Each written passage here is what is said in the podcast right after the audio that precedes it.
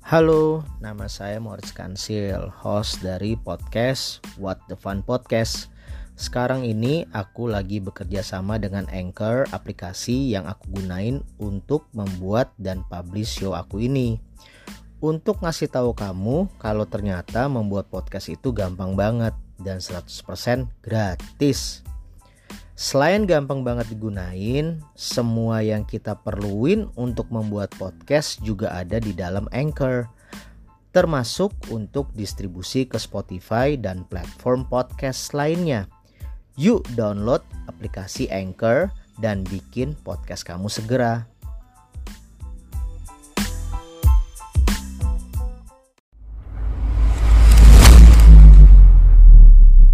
Oke, time out. Kembali lagi bersama saya Maulid Kansil di sini bersama dengan Pak Dani Kosasi. Wah. Living by Mandiri Indonesia Triaksi Turnamen. Bagaimana Pak Dani sehat ya? Sehat luar biasa. Sehat ya? Sehat Nah, luar biasa. Saya lihat di IG-nya tuh kemana-mana tuh. Hari ini di mana, ada di mana, wah pokoknya keren banget lah. Itu gimana Pak? Menyiasati untuk keliling gitu Pak? Eh, saya pikir dari berkali-kali saya akan hidup di basket hampir 40 tahun lebih ya. 40 tahun ya? Ya, kalau saya pikir jarang ada ketua yang sampai ke daerah untuk keliling. Itu iya. Itu yang jadi pers- eh, apa ya? Jadi jadi konsentrasi saya karena saya pikir kalau ketua-ketua yang lain mungkin pejabat Oke. Mungkin juga bisnismen yang tidak ada waktu. Iya. Kau ini mengerti banget ya. Lah, kebetulan saya ini kan orang lahir dari keluarga basket. Dari keluarga basket. Jadi saya pikir, kenapa kita nggak coba ya eh, memanusiakan pengurus-pengurus di daerah? Oke, oke. Ikut terlibat di daerah sendiri ya dengan Iya. orang-orang yang memang kompeten Pak ya? Karena saya pikir ketika saya masih jadi pelatih di kampung saya, Semarang, kedatangan ketua pengkot, pengkap aja seneng. Oke. Apalagi kalau ketua umum PB Perbasi mau turun ke bawah, itu kan mereka merasa dihargai, di appreciate gitu ya apa itu kita nggak kasih duit ya kan nggak- nggak nggak kasih apa paling saya bawain bola dua biji tapi kan eh, manusia tuh perlu perhatian dari kita kalau menurut saya kok itu ya lebih yang saya punya waktu ketua yang lain mungkin punya kedudukan punya apa yang mereka bisa menyumbang prestasi dari sisi lain Iya. tapi sisi saya adalah punya waktu dan kebetulan saya pelaku olahraga bola basket gitu aja. Iya, dan bisa melihat secara langsung Pak ya? Iya, iya. Oke, nah berarti saya punya pertanyaan sedikit nih Pak nih tentang sejarah Pak Dani Kosesi sendiri naik jadi ketum perbasi. Itu gimana sih Pak prosesnya? Saya sebenarnya naik ini juga bingung ya. Saya tidak ada sedikit pun dalam pikiran saya untuk jadi ketua perbasi. Sama sekali sebelum. Sama sekali. Karena saya ini adalah dari kecil sudah menjadi pelatih bola basket. Ketika saya berumur 17 sudah stop bermain, Oke. terus pindah ke pelatih. Oke. Jadi saya pikir saya hanya bagaimana mencapai karir saya pada puncak. Ternyata setelah jadi pelatih, akhirnya jadi manajer di tim nasional. Oke, Manajer oke. tim nasional saat itu saya masih di Satya Wacana Salatiga. Oke. Ya, saya nggak tahu. Satu hari aja saya masih ingat. Saya waktu itu tahun berapa ya? 10 ta- 11 tahun yang lalu saya jatuh main basket. Kok bisa Pak? Kenapa itu? Ya ketabrak sih kalau Oh, udah gitu. main veteran-veteran gitu Iya, ya. iya, iya, iya. Akhirnya dokter katakan, awas lo ini bisa lumpuh. Oh. ini fatal cukup tuh ya. karena leher saya harus harus segera dioperasi. Oke. Eh, singkat cerita lah, saya melakukan operasi itu di Malaysia. Hmm. Ya, tadi beberapa teman-teman support dana untuk berangkat ke Malaysia untuk dioperasi leher saya. Setelah pulang, saya pikir masa saya udah habis.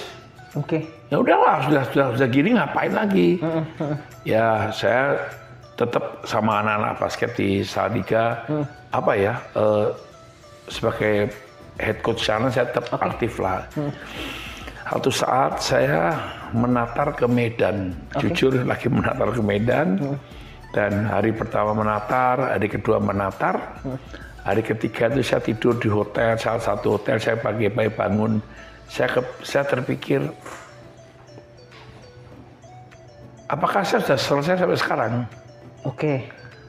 Sempat terpikir seperti ya, itu. Iya. tapi saat itu ada satu nggak tahu itu satu suara atau suatu dari keluapan hati. Kenapa nggak jadi ketua perbasi aja? Ah, ketua umum Perbasi. Oke. Saya pikir itu jauh dari pemikiran saya. Oke. Jauh lah apa yang mau saya andalkan. Tidak pernah terbesit sebelumnya. Nah, kedudukan kagak ada, duit kagak ada. Iya iya iya. iya. saya ini eh, saya doktoran Chinese, orang minoritas. Oke oke Apa aja yang mau saya andalin? oke. Tapi saat itu saya dengar satu suara yang bisikan yang kuat sekali lah. Udah kamu jadi ketua perpelasi aja. Kamu jadi ketua umum perpelasi. Saya nggak percaya. Saya pikir apa? Saya pengen ngomong. ya ampun. Dan saya melihat sebelah saya adalah salah satu pemain yang hari ini masih main di IBL. Namanya Ari Arfian. Oke. Anak itu waktu itu cedera ikut saya. Terus saya pikir dia masih tidur sebelah saya. Saya pikir setengah jam lagi sejak saya pikir setengah jam saya dengar sekali suara itu. Oke, saya harus segera putuskan untuk maju sebagai ketua umum Perbasi. Bola Basket. Wow. Ya, cuma itu aja ceritanya. Oke. Jadi nekat aja, Modal nekat. nekat ya udah pulang. Ayo kita saya temen jalan kekuatan untuk masuk ke sebagai ketua umum. Berarti ini bukan terkonsep dari kecil sudah memimpikan untuk menjadi seorang ketua perbasi atau enggak sebagai pejabat olahraga enggak ada pak ya nggak ada terlintas ya Aku boleh ngomong lah ya. Iya. Dari kami orang-orang keturunan Tionghoa ini. dari kecil ya dokternya bagaimana cari duit. Bener nggak? gimana caranya cuan cari duit ya nggak ada lain. Iya. Benar. Harus itu. Benar. Tapi saya juga nggak tahu dari kecil saya seneng di dunia bola basket. Oke. Karena kebetulan papa saya ada seorang ketua umum bola basket di Semarang. oh oke Jadi dari kelas SD, SMP, SD itu saja harus dibawa ke lapangan. Ah, itu mungkin yang membuat eh, membuat saya bisa menyenangi di bola basket itulah. Oke. Tuh dengerin para rekan muda di sana, iya kan? Harus seperti itu pak ya. Harus punya tekad. Ibaratnya main sudah selesai, coach sudah selesai. Ternyata ada lagi tugas selanjutnya pak ya. Ya. Iya kan? seperti itu. Wah, keren banget pak. Oke. Aku lanjut ke pertanyaan kedua ya Pak ya. Hmm. Berarti kiprah Pak Dani Kosasi sebelum jadi ketum dan selama menjadi ketum, kiprahnya apa aja sih Pak?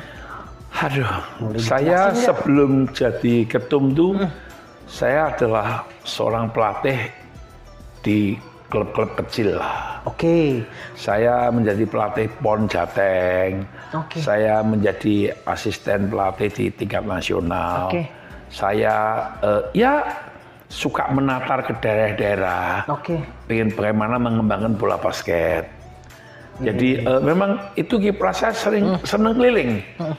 Dan ternyata memang di dalam hati saya itu punya satu kekuatan. Ayo bangun generasi muda. Ini untuk menjadi pemain basket.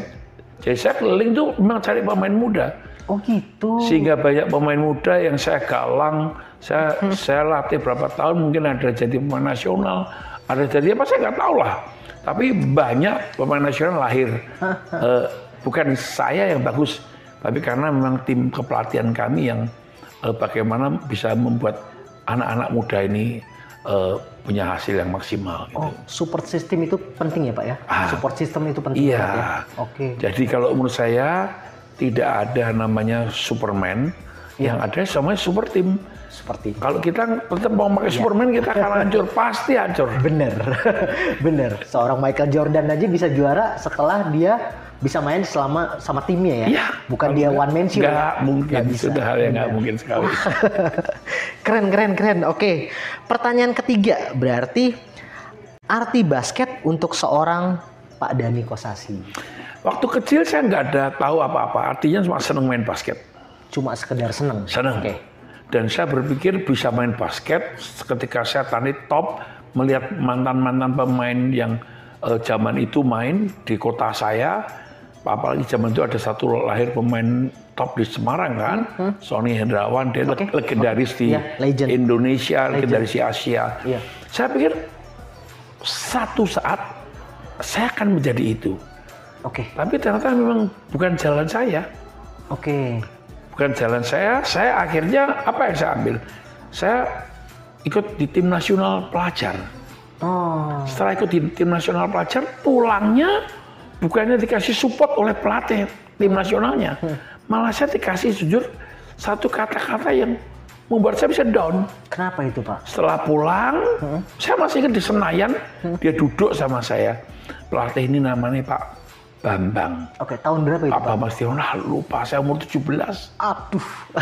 Pak Bambang Setiawan itu kalau Iya. nama Chinese-nya Koh Gei Siang, Oke. dia pelatih nas- nasional di Surabaya. Oke. sebetulnya. Oke. Dia melahirkan banyak atlet. Ketika saya pulang nasional, dia bilang gini, eh lu nggak sadar kalau badanmu ini nggak cocok untuk main basket. Ya ampun. gemuk, pendek, nggak terlalu cukup tinggi. Kenapa lu nggak berpikir menjadi wasit atau menjadi pelatih? Dia ngomong belak-belakan. Belak. Cara gamblang. seperti- Padahal saya pikir ini kan kayak orang mau bunuh, Iya. bunuh Bunuhan- karir. Iya karir. Saya bilang, Iya. kok siang apa nggak salah ini? Dia bilang, kamu pikir deh. Kenapa saya bilang gini? Karena aku ketika melihat kamu bermain bola basket, kamu punya satu yang tidak orang lain punyai. Kamu punya satu leadership yang kuat sekali. Oh. Coba deh kamu pindah. Ada sisi baik yang bisa diambil ternyata. Ah, dia coba kamu pindah. Oke Hmm. oke. Setelah berpikir tiga malam, mulai umur 17 saya memutuskan saya berhenti bermain. Berarti retired di 17 tahun. 17 berhenti, saya langsung jadi pelatih di umur itu. Ya ampun. Tuh dengerin tuh. Jadi bukan berarti muda tidak bisa berprestasi pak ya? Ya, ya. Harus bisa berprestasi. Kalaupun dibikin ibaratnya zaman sekarang kena mental pak. Hmm. Kalau digituin tuh anak zaman sekarang wah diomongin gitu langsung ngedrop. Ya. Sedangkan Pak Dani ngelihatnya beda. Lihat oh ternyata apa yang dilihat dengan coach Bambang ini beda. Oh ternyata leadership yang ada untuk kepelatihan ya kan? Tapi boleh saya sampaikan begini Ah. mas, sebetulnya ya, setiap manusia itu sama kok. Ketika dikatain pasti akan down. Iya mental. Tetapi tunggu berapa hari lu harus berpikir apakah perkataan itu benar atau salah. Ya Kalau kita nganggap itu hanya bullying ya, habis. oke. Tapi kita kalau koreksi ya. Nah. kata melihat itu adalah satu saran yang baik, kenapa tidak kita ya. ambil. ambil langkah itu? Iya, betul. Kenyataan apa yang saya putuskan menjadi karir saya sampai sekarang. Wah, gila keren. Keren. Berarti berterima kasih juga dengan coach Bambang ya. Ya dia almarhum lah, sudah almarhum. Almarhum juga ya, Ya, oke. dia senior, saya di Senior. sekolah oke, oke. senior. ya. Iyalah. Ibaratnya Pak Kosasi aja umur 17 tahun apalagi dia Dia pada sudah saat itu. menjadi pelatih Mas. Iya. Tapi coach berarti coach Dani ini berarti sangat muda waktu itu ya. Mati ya, 17 tahun. Umur 17 ya, saya masih ngelatih. Awal saya melatih anak-anak SMP, SD gitulah. Mantap, keren. Tuh, jadi basket itu tidak hanya sekedar kalian sebagai pemain, Pak ya. Ya, Iya kan? Bisa jadi coach, bisa ya. jadi wasit. Kalau mau berkarya nggak harus jadi pemain. Nggak selalu ya. Kenapa kita nggak jadi pelatih, nggak jadi wasit, kenapa nggak jadi pebisnis bola basket? Betul. Benar. Harusnya seperti itu. Iya. Jangan sampai saya bilang dunia bola basket ini dikuasai orang yang nggak tahu basket. Cakep. Saya setuju banget tuh. Saya setuju banget. Apalagi Bapak ini dua, dua kali Pak ya? Iya. Jabat ya? Iya. Ketum ya? Ya, Wah, keren. Semoga tiga periode. Kita doakan. Kita Iyalah, doakan ya yang Iya, Saya doakan, terbaik. saya doakan. Karena memang harus seperti ini. Orang yang mengerti di bidangnya. Dia mantan pemain, dia mantan pelatih, dan dia mau turun ke bawah. Itu yang terpenting. Kalau enggak, kayak tadi kan, hanya menyisikan dana, tapi nggak pernah turun ke bawah. karena waktunya mungkin nggak Waktunya ada. nggak ya. ada, iya. Tetapi memang basket nggak luput tuh, mas ini saya juga ingin Hmm. sampaikan mumpung hari ini kita ketemu. Basket butuh dana, Jelas, basket butuh waktu untuk mengurus, jelas. basket butuh link Betul, Kalau linknya tidak kuat juga tidak. benar, Basket itu butuh kuasa. betul. Dan basket itu yang terakhir ada butuh menjadi kehidupan kita. Kalau lima ini kita cuma punya satu udah jangan kita kuat.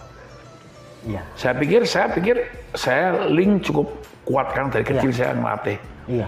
Saya adalah orang yang punya waktu untuk ngurus Oke, dan memang hidup saya di itu. Saya Basket nggak for punya, life. saya nggak punya kekuasaan, saya nggak punya uang. oke. Tapi saya bisa menggalang tim saya dengan dua dua ini. Iya. Kan harus seperti itu. Tapi kalau kita nggak punya apa-apa ya, udahlah janganlah. Ngada-ngada ya, ngada apa ya? Ah, itu namanya mau Itu memaksakan ngada. nggak usah ya. Bener, ngada-ngada. Oke, selanjutnya pertanyaan keempat ya. Tanggapan, aku panggilnya berarti Papa Danianya Iya. karena papanya basketball nih kalau gitu dari tahun 70 loh. Berarti apa tanggapan Papa Dani tentang Livin by Mandarin Indonesia 3 turnamen? Apakah harus rutin diadakan atau seperti apa? Silakan. Saya ketika dikasih tahu bahwa 3x3 ada yang mau mengambil untuk diadakan, Oke, saya sangat bahagia sekali. senang ya. Pak? Kenapa tidak gitu loh? Karena semua tidak mungkin diurusi perbasi secara langsung. Oke. Perbasi harus punya tangan-tangan di bawah itu yang untuk mengerjakan itu. Iya, yang mau mengurus ya. Pak, perbasi harus merupakan regulator saja. Oke. Yang menjalankan harus semua-semua orang yang eh, punya hati untuk bola basket Indonesia. Sekarang IBL sudah ada namanya grupnya yang ngurusin. Iya. Sekarang Trisi ada yang ngurusin. Saya undang lagi kalau ada yang mau. Liga 18 tahun, Iya. kenapa nggak kita buat Liga Indonesian Development League untuk mempersiapkan anak-anak yang menuju ke IBL. Oh, oke. Ada jenjangnya ya, Pak? Kenapa kita kok tidak belum ada orang yang terbeban dengan Liga Putri? Hmm. Ayo monggo loh. Saya secara secara secara eh, hati terbuka Perbasi membutuhkan urunan tangan semua masyarakat. Perbasi bukan milik saya. Hmm. Oke. oke. Perbasi bukan miliknya orang-orang ini tapi Perbasi adalah milik semua masyarakat bola basket Indonesia. Keren. Speechless saya. Oke, nggak bisa ngomong apa-apa. Berarti memang kegiatan ini memang harus diadakan rutin ya. Harus kalau saya pikir bener. kalau kita lihat tahun pertama ini kalau orang bilang apa? Ya, kalau kurang tahun depan diperbaiki dah. Oke. Menurut saya tidak ada satu penyelenggara di dunia yang sempurna. Betul. Karena waktu itulah membuat manusia sempurna. Benar. Lah kalau kita nggak perlu waktu ya kita jadi Tuhan saja saya pikir gitu.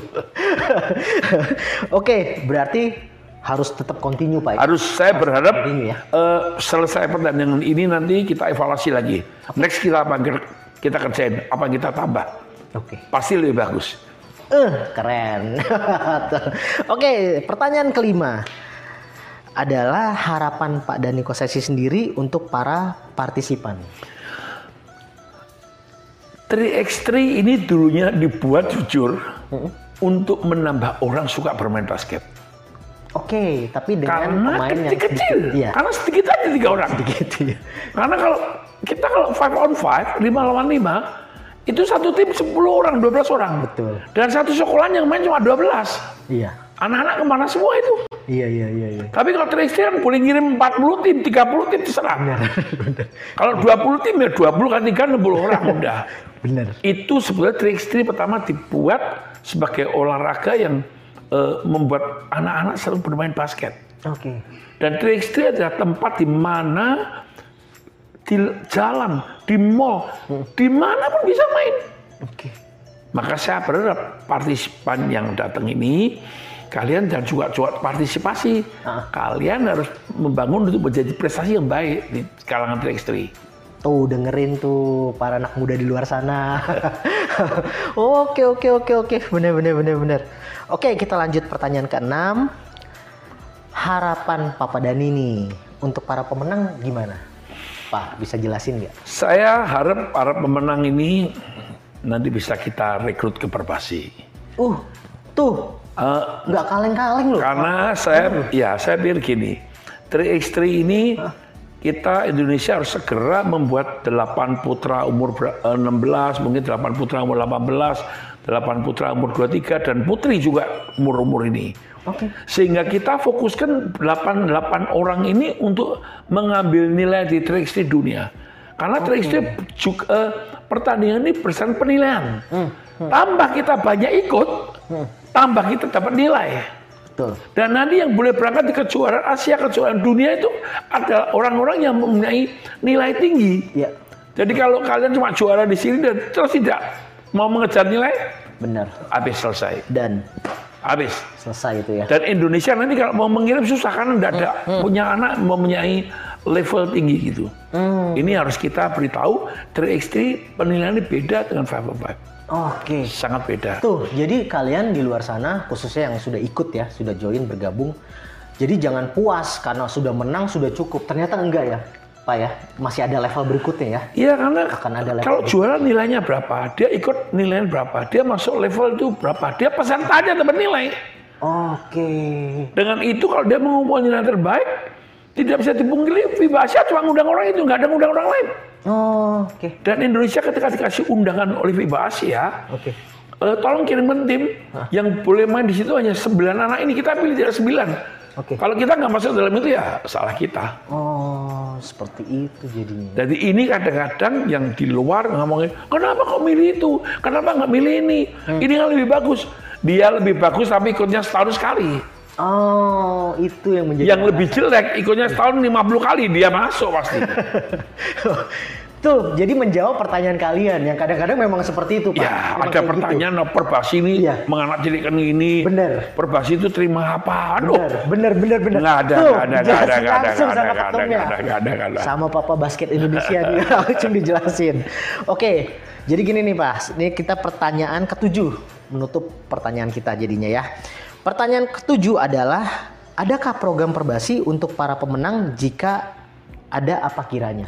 Bisa dijelasin detail nggak? Tadi Tadi kan sebelumnya tuh. dia tadi saya pikir anak-anak yang nanti ada di eh, selesai juara kita lihat di event ini pasti kita akan kumpulkan menjadi eh, delapan yang terbaik di Indonesia. Oke, Eh, itu kan ada promosi degradasi, tapi tidak bisa terus promosi. Kita akan tetap eh, apa ya? Kita kumpulkan 8 orang ini Oke. bukan TC, tapi tetap dipantau terus. Ayo, kalau ngejar nilai harus ngejar nilai, dikejar terus supaya dia bisa di high level. Jadi anak-anak ini juga perbasi kalau mau ngirim orang adalah orang 8 dulu. Saya kirim terus. Saya kirim 8 orang itu dengan dimodali perbasi supaya dia mencapai nilai tinggi. oke, oke. Kemudian kalau di luar negeri kan mereka kan nggak bisa berangkat. Justru perbasi akan mengirimkan mereka. Ketika mereka mengirimkan levelnya mereka naik, naik, naik, naik. Kita fokus pada 8 orang kalau belum 4, 6 orang aja. Oke. Jadi harus seperti itu. Indonesia harus berfokus membangun eh, sekitar 6-8 anak untuk pada kelompok umur mereka masing-masing. Oke. Itu yang kita lakukan supaya mereka segera bisa menjadi tulang punggung di tim nasional kita. Oke. Nah, Pak, sebelum saya tutup, jadi gini nih, ada satu pertanyaan dari saya sini ya, saya pribadi. Eh, Sebenarnya Perbasi sendiri menyediakan beasiswa nggak sih buat para ini nih pemain-pemain muda yang berprestasi khususnya? Bisa dijelasin nggak? Jadi mereka Saya ju- melek gitu loh, Pak. jujur ya, Ah, gimana Pak? sudah mengajukan ke sponsor Hmm. tahun ini. Ya kita doain aja lah ya. Amin, amin, amin. Eh, saya berharap ada 8 anak setiap tahun Oke, yang bisa kita beasiswai sekolah di luar negeri. oke, Eh, karena kemungkinan kompetisi di negara itu lebih lebih lebih ketat, lebih high level lah. Kita kan nggak bisa mengatakan bahwa basket itu harus di kota negara itu. Kenapa kita nggak coba anak-anak kirim ke Kanada? Kenapa nggak coba ke Australia? Oke. Kenapa nggak coba kirim ke Serbia, ke bilang Kostoro, bilang ayo datang. Saya berpikir kalau ini eh, program ini disetujui oleh para sponsor kami, saya berharap ada 8 anak tiap tahun akan kita sekolahkan ke luar negeri. Oke. Tetapi tidak boleh tinggal di luar. oke. Mereka tidak tinggal di kedutaan besar Indonesia. KBRI berarti ya? Saya nggak mau anak-anak itu liar di luar. Iya, oke, oke. Tetap terpantau loh Pak ya? Nah, Tetap dengan terpantau itu ya? ketika Indonesia butuh dia bisa pulang. Oke. Kita ambil contoh berapa pemain yang di luar negeri yang sudah cukup berhasil Hmm. seperti Agassi. Oke, Ketika agak- dia masih umur 16, saya ingat anak itu ya kok seperti biasa. Hmm, Ternyata ketika dia ada di Amerika, di Spanyol, Hmm. terus bom naik gitu. Tau. Kita nggak lihat lagi ada berapa anak di Amerika Oke, kayak sekarang kita kayak kita lihat seperti Derek Michael yang ke, Oke, ke Derek NBA Michael, Academy iya. ini betul. kita Junior berharap NBA. apakah dia Iya. bisa nanti eh, membela Indonesia lebih bagus Oke. kalau Derek Michael di SEA Games ini atau di tim nasional ini kan kalian bagus harusnya bangsa Indonesia mulai ayo kumpulkan duit kalian untuk membangun generasi muda kita di basket ini Amin. Harapan sangat besar sekali. Betul. Ya karena saya tahu loh mas, ini kita saya ngomong aja, kita tidak bisa Hmm. menuntut mereka hanya bermain basket, tapi harus memikirkan studi mereka. Oke. Tapi yang banyak dilupakan oleh eh, para pelatih kita sekarang, bagaimana membangun karakter itu. Hmm, betul. Ini yang harus eh, saya setiap kali ngomong. Jangan banyak pelatih, eh, jangan banyak pemain yang hancur bukan karena prestasinya, Oke. hancur karena kehidupan nggak baik. Betul. Liar tadi ya Pak ya. Nah, kalau liar nggak bisa, harus dijaga. Semua harus terprogram dengan baik. Benar. Dan memang orang terprogram nggak enak ya, karena memang harus seperti ini Memang namanya. harus seperti itu, terschedule hidupnya. ya. Tapi Betul. ya itulah, itulah dunia profesional. Betul. Mungkin kalau ini sudah mau akhir dari pertemuan, saya sampaikan. Kalau bola basket Indonesia tidak berpikir bagaimana membangun industri yang besar, lebih baik stop. Tuh. Penutup closing yang sangat dalam di acara time out kali ini. Papa Dani, pokoknya sehat terus. Terima Saya kasih. panggilnya Papa Dani kenapa? Terima Karena kasih. beliau dari tahun 70 sampai hari ini berdedikasi tinggi pada bola basket Indonesia. Living legend. Terima kasih. Sehat terus, Tuhan Iya. Terima kasih, berkati. Tuhan Sampai ketemu berkati, lagi. Tuhan berkati. Iya, terima kasih, sampai ketemu di acara selanjutnya. Bye-bye.